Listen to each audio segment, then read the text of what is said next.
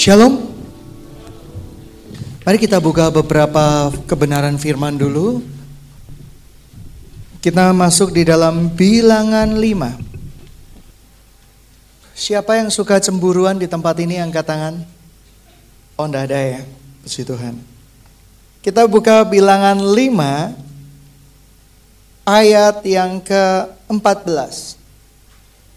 Saya bacakan, dan apabila kemudian roh cemburu menguasai suami itu, sehingga ia menjadi cemburu terhadap istrinya, dan perempuan itu memang telah mencemarkan dirinya, atau apabila roh cemburu menguasai suami itu, sehingga ia menjadi cemburu terhadap istrinya, walaupun perempuan itu tidak mencemarkan dirinya maka haruslah orang itu membawa istrinya kepada imam dan orang itu harus membawa persembahan kepada karena perempuan itu sebanyak seper sepuluh eva tepung jelai yang ke atasnya tidak dituangkannya minyak yang tidak dibubuhinya kemenyan karena korban itu adalah korban sajian cemburuan suatu korban peringatan yang mengingatkan kepada kedurjanaan saya garis bawahi ayat 14 dan apabila kemudian roh cemburu menguasai suami itu.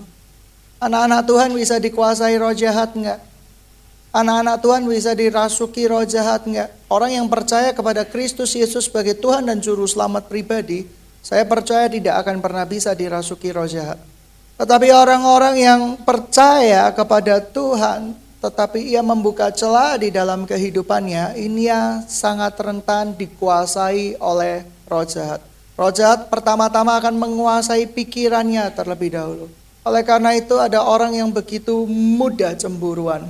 Cemburu tidak harus berbicara cinta. Cemburu dengan kesuksesan orang lain.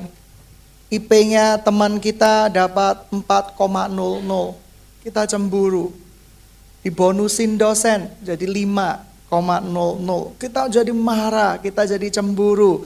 Lihat orang lain punya pacar, kita cemburu. Lihat orang lain punya istri, kita cemburu walaupun kita sudah punya istri. Aneh kan? Aneh. Ada tetangga beli kulkas, kita cemburu. Ada tetangga beli mobil, kita cemburu. Ada tetangga kejegur got masuk God, kita cemburu gitu ya. Pokoknya semua dicemburuin. Hati-hati. Segala sesuatu yang ekstrim mungkin ada pekerjaan roh jahat yang ada di dalamnya. Banyak anak-anak Tuhan yang jatuh dosa secara ekstrim. Contoh seperti ini. Nonton video porno terus. Udah kenal Tuhan, udah cinta Tuhan. KKR, maju paling depan, Entah itu karena didorong ke belakang dari belakang ke depan atau memang dengan niat sendiri dia maju ke depan. Tapi ekstrim sekali, kayaknya nggak bisa lepas dari video porno itu. Dia tahu itu salah, dia tahu itu dosa, dia tahu itu betul-betul tidak baik. Tapi dia begitu terikat, tidak bisa bebas. Dia mencintai Tuhan, dia mengasihi Tuhan. Mungkin uh, di dalam pikirannya gimana ya saya ini bisa lepas? Gimana ya? Aku udah ditumpang tangan sama hamba Tuhan. Nggak cukup ditumpang tangan, saya sudah ditumpang kaki juga oleh hamba Tuhan. Masih nggak bisa lepas. Saya udah diurapin minyak. Satu tetes minyak nggak cukup, satu gentong dilemparkan ke saya, saya juga tidak kunjung pulih. Ada apa ini? Dan segala sesuatu Alkitab mencatat bahwa roh cemburu itu ada. Saya percaya roh najis juga ada. Segala sesuatu yang ekstrim ini pasti pekerjaan roh jahat. Hampir pasti pekerjaan roh jahat. Kamu nggak bisa bebas. Oleh karena itu kita perlu dibebaskan. Ketika kita percaya kepada Tuhan Yesus, Tuhan membebaskan hidup kita. Tetapi ketika kita tidak menjaga hati kita, rumah kita adalah hati kita. Hati kita adalah rumah kita dan rumah itu yang sudah kita huni, kita biarkan kosong. Dan kita biarkan roh jahat itu mengambil alih kehidupan kita. Akibatnya muncul sesuatu yang ekstrim. Roh ketakutan. Siapa punya roh ketakutan yang ekstrim? Takut keluar rumah, nanti ditabrak gajah. takut keluar rumah dikabrak kucing. Ada loh. Saya punya orang yang konseling sama saya, itu serba ketakutan. Anaknya pergi naik motor ketakutan. Takut boleh, wajar. Tapi ketakutan itu tidak wajar. Gimana ya di jalan ya? Nanti kalau dia dipegal, gimana ya? Kalau nanti motornya kena paku, gimana ya?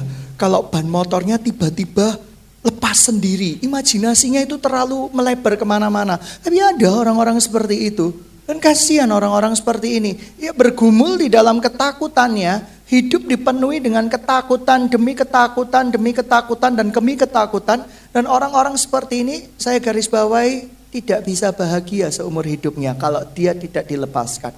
Takut terus. Besok makan apa ya? Ya tinggal makan. Tapi besok makan apa dipikirin luar biasa. Oh, besok seperti ini besok seperti ini.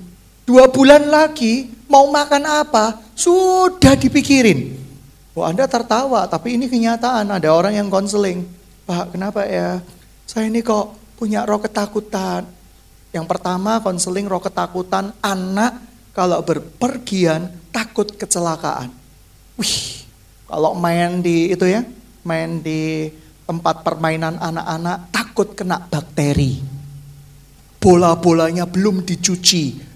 Ya imajinasinya udah mulai liar gitu ya. Di situ petugasnya meludah di bola-bola itu sehingga nanti ada anak yang muta di sana. Jadi dia itu diperbudak dengan ketakutan-ketakutan pikirannya sendiri. Ini mengganggu loh, ini sakit loh. Loh ini roh jahat. Dan kita harus dilepaskan. Tuhan datang ke tempat ini saya percaya untuk membebaskan, melepaskan kita dari gangguan-gangguan tersebut. Ada loh orang yang setiap lima menit itu nggak betah kalau nggak nonton video porno. Iya kan? Ya buka, apalagi di zaman Android ini mudah gitu ya.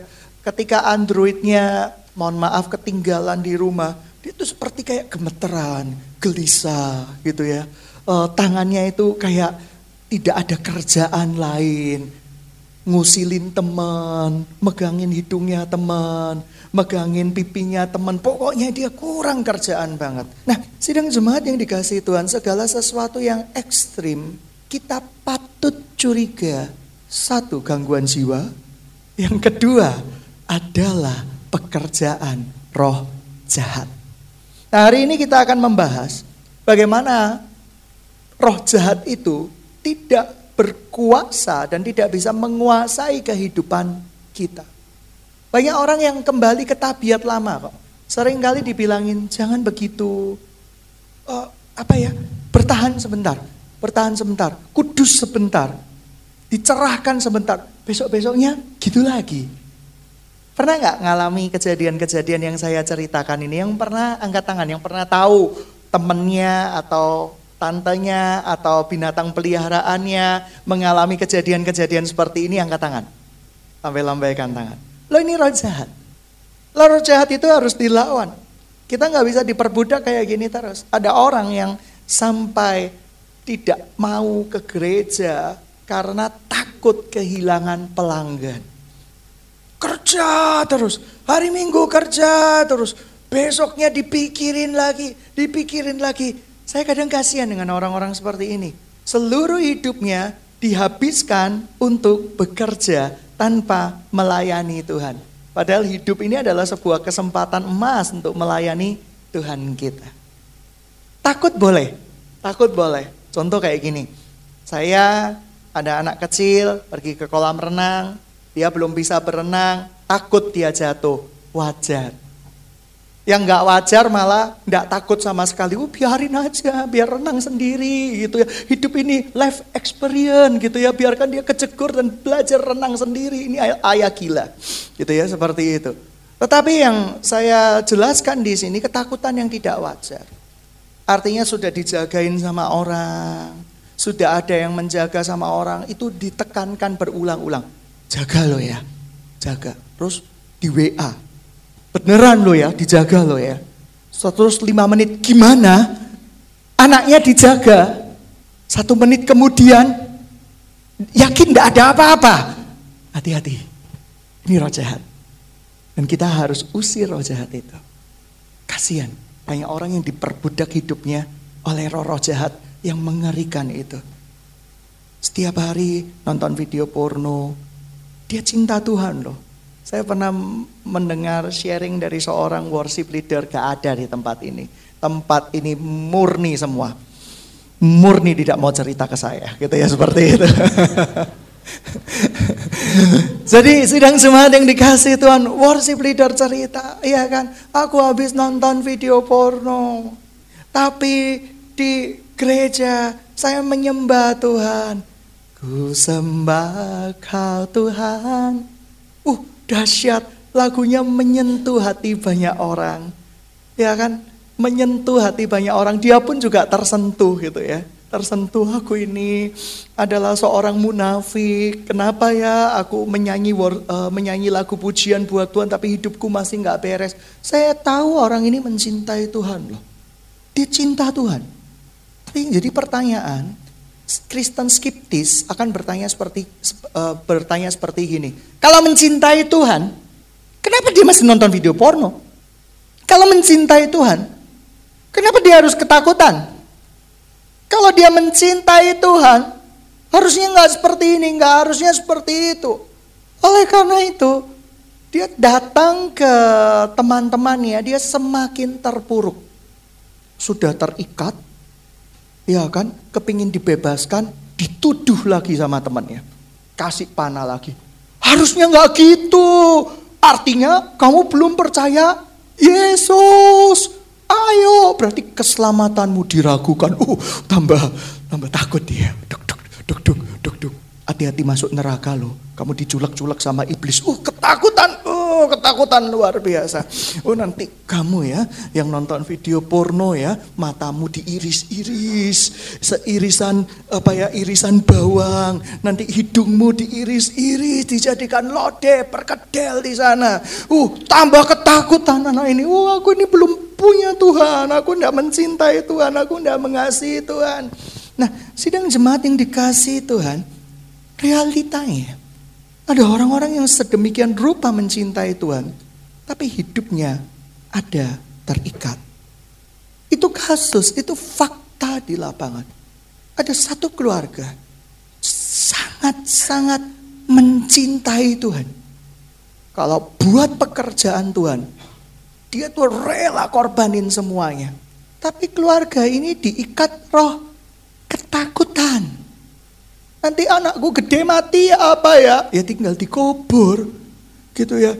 Nanti jodohnya siapa ya? Jodohnya sayang sama papa mamanya enggak ya? Nanti kalau jodohnya enggak sayang gimana? Ya sudah. Lalu ketakutannya berlebihan berkembang. Nanti kalau aku dianiaya bagaimana ya? Hari ini saya ada berita di sebuah kota dengan inisial K. Ada seorang anak sulung mengusir ayah dan ibunya dari sebuah lahan ayah ibunya karena memenangkan gugatan di pengadilan. Nah, orang bertanya-tanya, kenapa bisa? Ini anak yang dibanggakan. Kenapa bisa? Kenapa bisa? Nah, segala sesuatu bisa terjadi di dalam kehidupan kita. Tetapi kalau kita membiarkan hidup kita diriputi rasa takut yang berlebihan-berlebihan, hidup kita nggak akan efektif. Hidup kita nggak akan berbuah. Siapa yang punya tanaman? Punya tanaman, lalu tanaman itu dijaga takut kena kutu.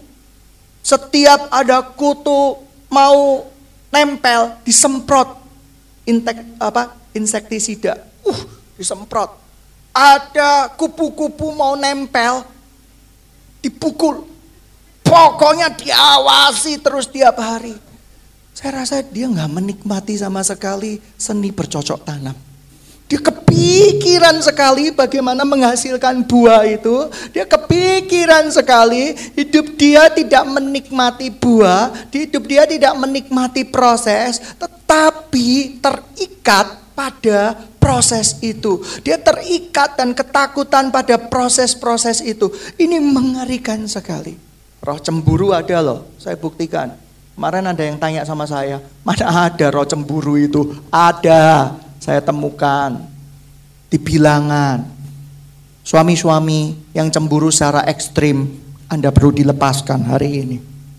Istri ke pasar, kalau dilirik abang pasar bagaimana?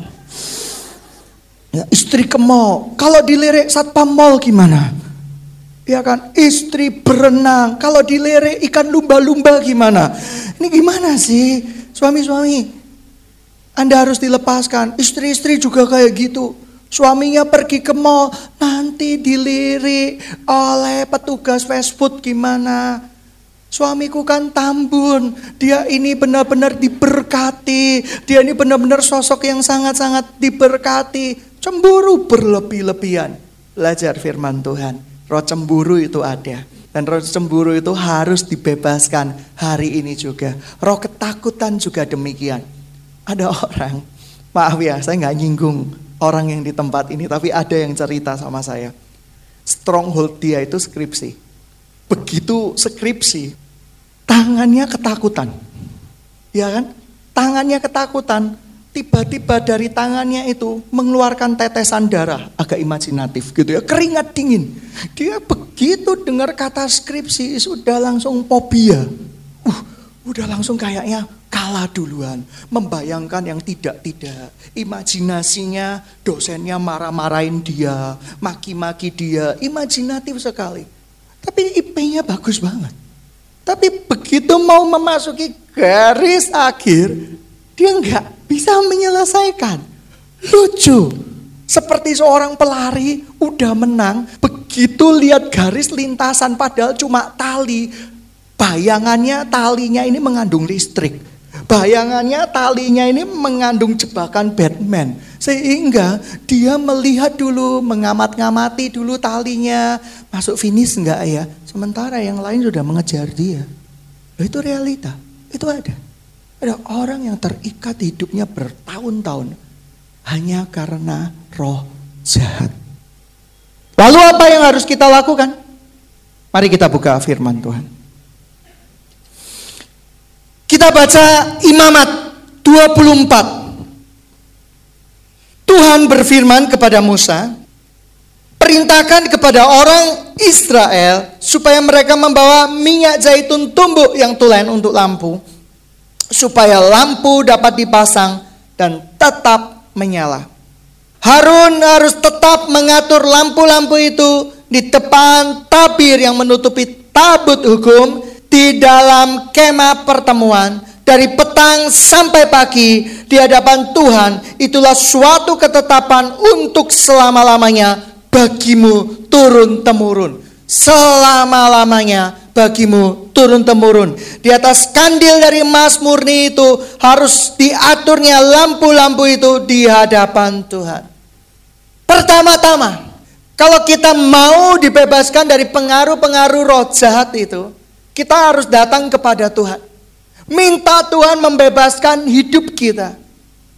Perkara-perkara seperti ini tidak bisa dilepaskan dengan cara biasa.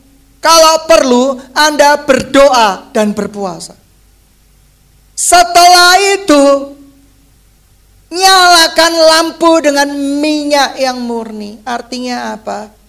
Pemahaman yang murni. Artinya apa? Meminta hikmat daripada Roh Kudus. Lampu itu harus nyala. Lampu itu berbicara apa? Roh Kudus. Kamu harus mengaktifkan, mengaktifkan kuasa Tuhan setiap jam, setiap detik di dalam kehidupan Anda. Itulah kuasa Roh Kudus. Ketika Anda mulai memakai logika dan pikiran, habis. Anda nggak akan pernah bisa lepas. Tetapi kalau engkau mengizinkan Roh Kudus berkuasa di dalam kehidupan Anda dan menjagainya dengan hati nurani yang murni, maka lampu dari Roh Kudus itu akan menerangi hati kita selama lamanya. Siapa hari ini? Bebas dari belenggu ketakutan, bebas dari perbudakan roh ketakutan, roh cemburuan, roh-roh ketakutan yang lain, roh-roh supaya diterima kita sok mendengar suara Tuhan. Aku kemarin dengar suara Tuhan. Padahal temennya nggak dengar. Hati-hati, itu roh jahat. Oleh karena itu, saya berdoa hari ini. Apabila sidang jemaat memiliki roh jahat, anda harus dilepaskan. Kita buka firman Tuhan. Tadi Tuhan bicara, saya mau mengulang sedikit tentang Lukas. Mari kita buka firman Tuhan di dalam Lukas. Lukas 17.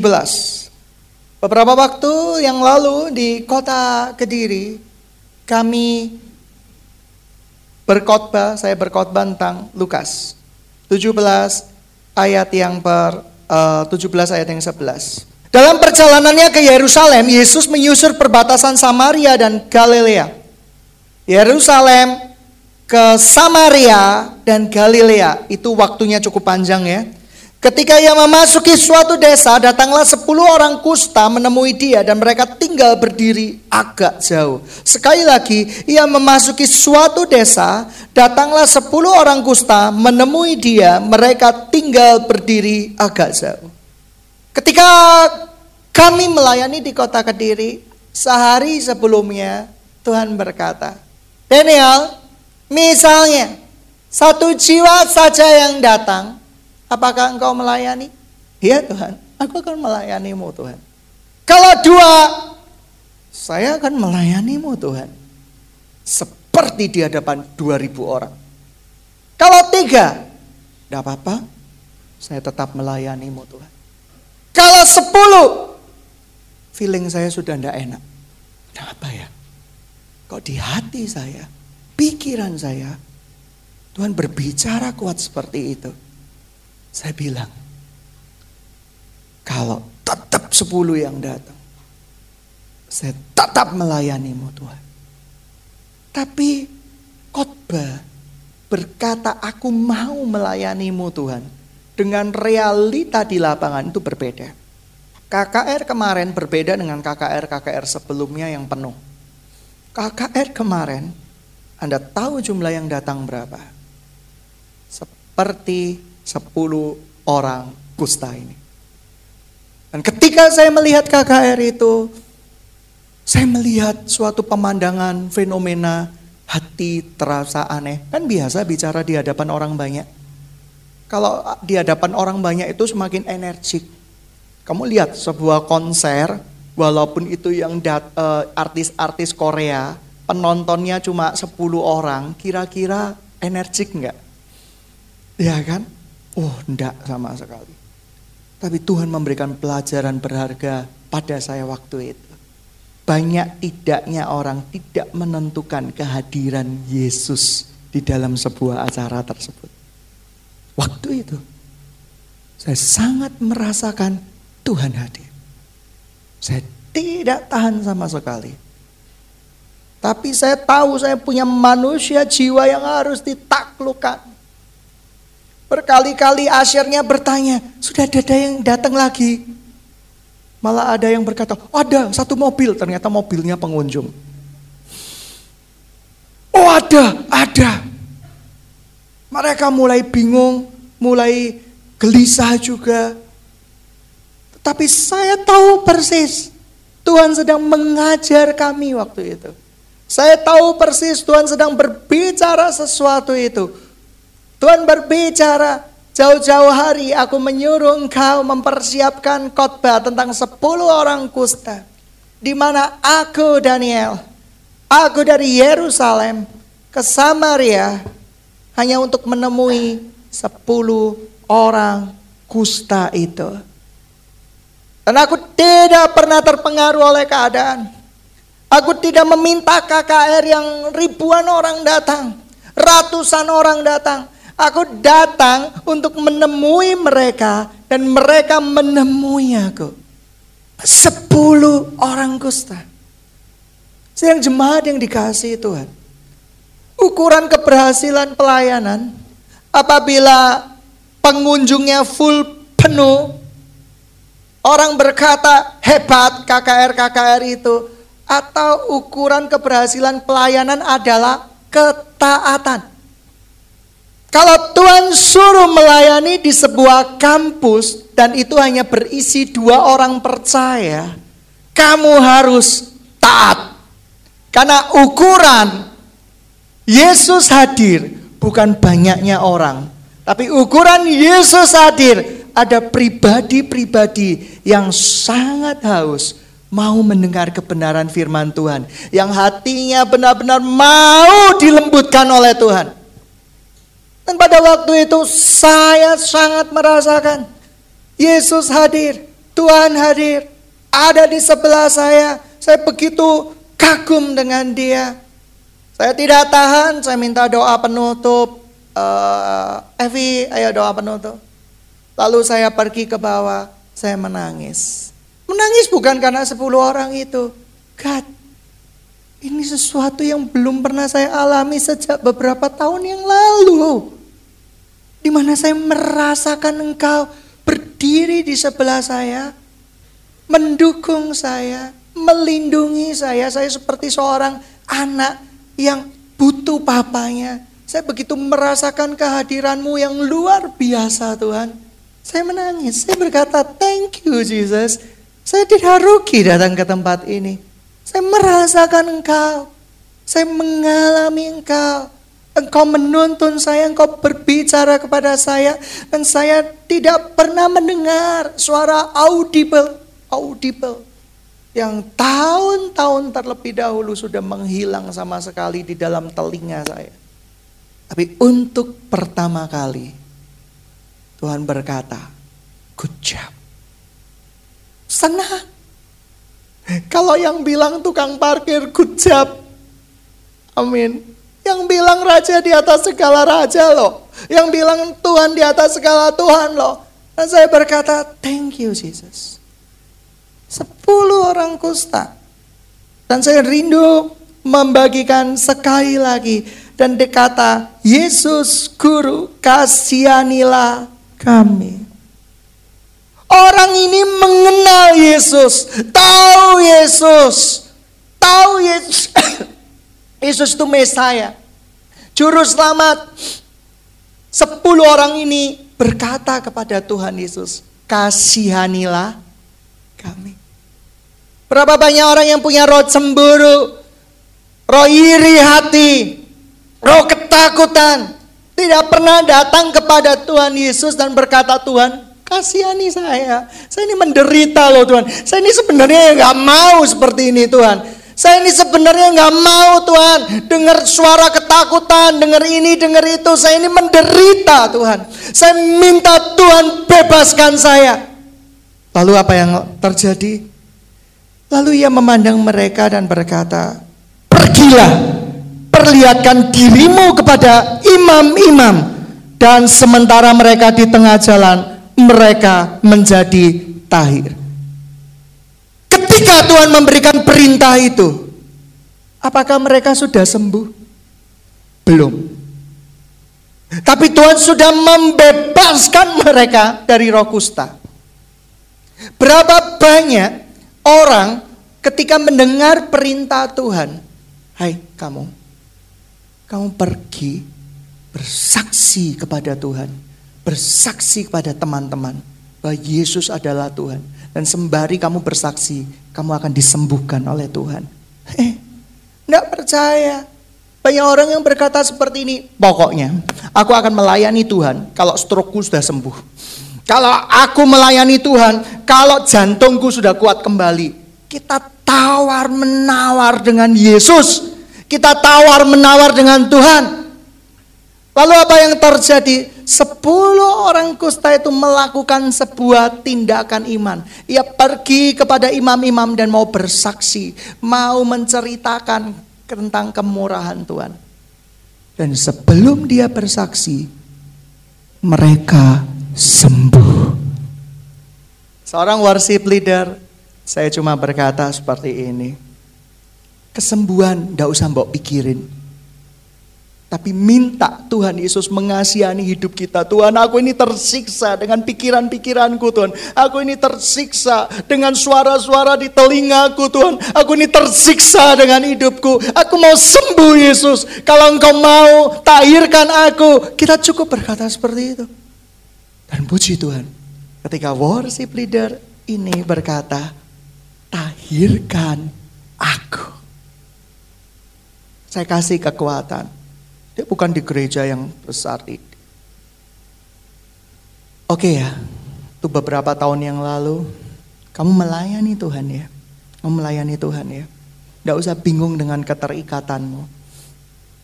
Tuhan pasti bebaskan kamu. Tapi ada sesuatu yang tidak biasa hari itu menurut dia.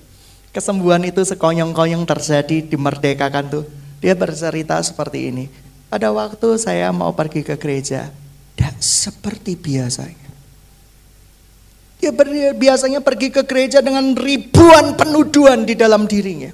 Dia tahu dia salah, dia tahu dia tidak benar, tapi dia tidak berdaya untuk bebas. Anda bisa merasakan dia, saya bisa merasakan dia, saya pernah mengalami seperti dia. Pengen bebas, tapi tidak bisa. Di pikiran tuh harusnya begini, tapi tindakannya begitu. Itu terjadi.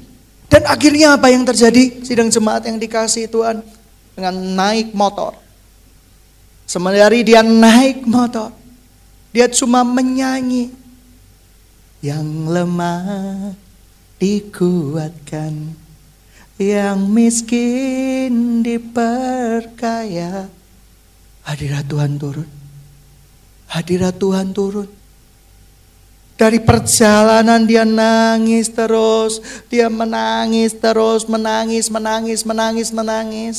Dan sampai akhirnya dia harus menjadi seorang worship leader memimpin di sebuah XXX. Dan sejak saat itu, dia bebas. Dia bebas. Dia dan nonton lagi video porno, dia berkata godaan itu selalu datang. Kadang aku gagal, kadang aku gagal. Dia sudah hampir, hampir, hampir. Uh, dia sudah hampir membuka laptopnya, tapi dia tutup lagi. Dia hampir membuka laptopnya, tutup lagi. Tetapi dia berkata yang berbeda sejak hari itu. Aku punya kemauan, aku punya kemampuan melawan dosa-dosa itu. Puji nama Tuhan. Amin. Loh, sepuluh orang kusta. Saya percaya kalau orang kusta ini tidak melakukan tindakan iman dia nggak akan sembuh.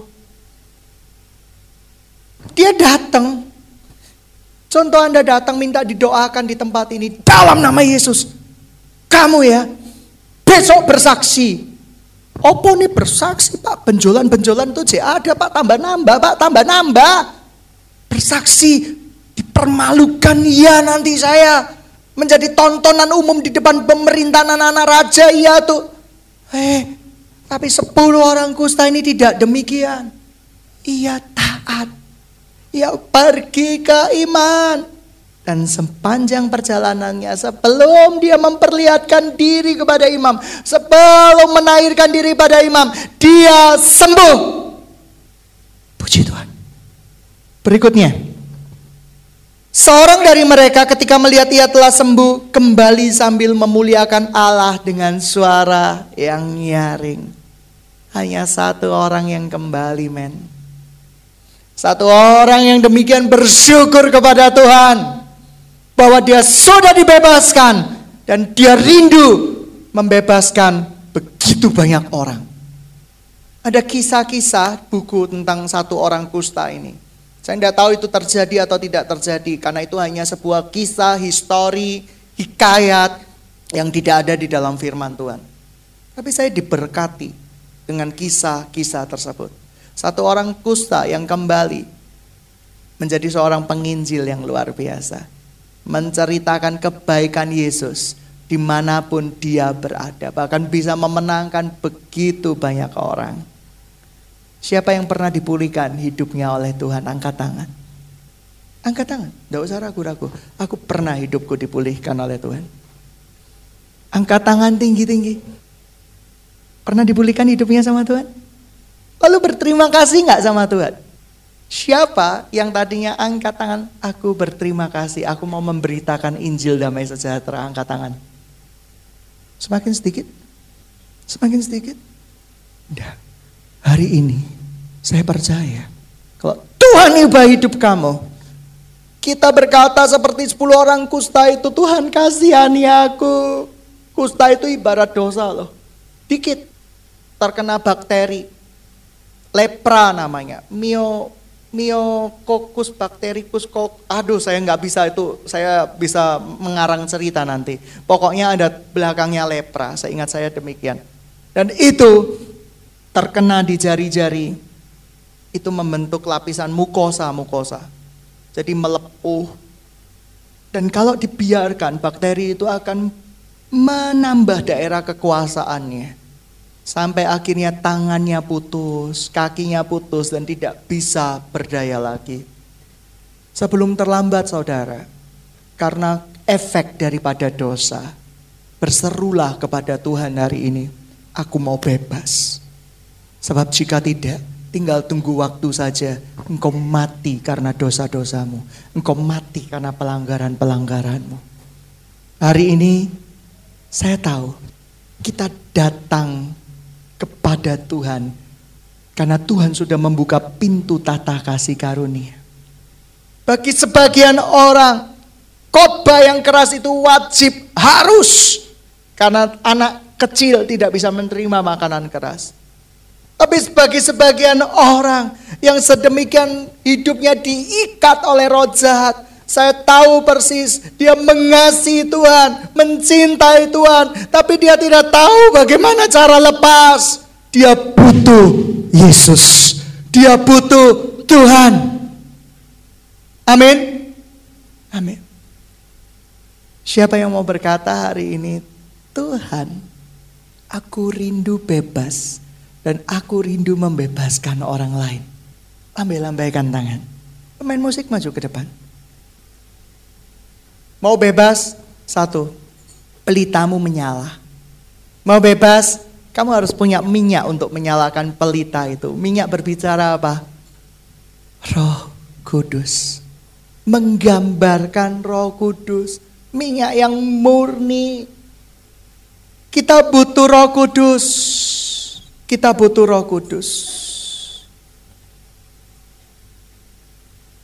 Saya merasakan ada satu kehadiran roh jahat di tempat ini. Tapi saya percaya Tuhan akan melepaskan Anda, saudari. Mari kita menyanyikan sebuah lagu yang lemah dikuatkan.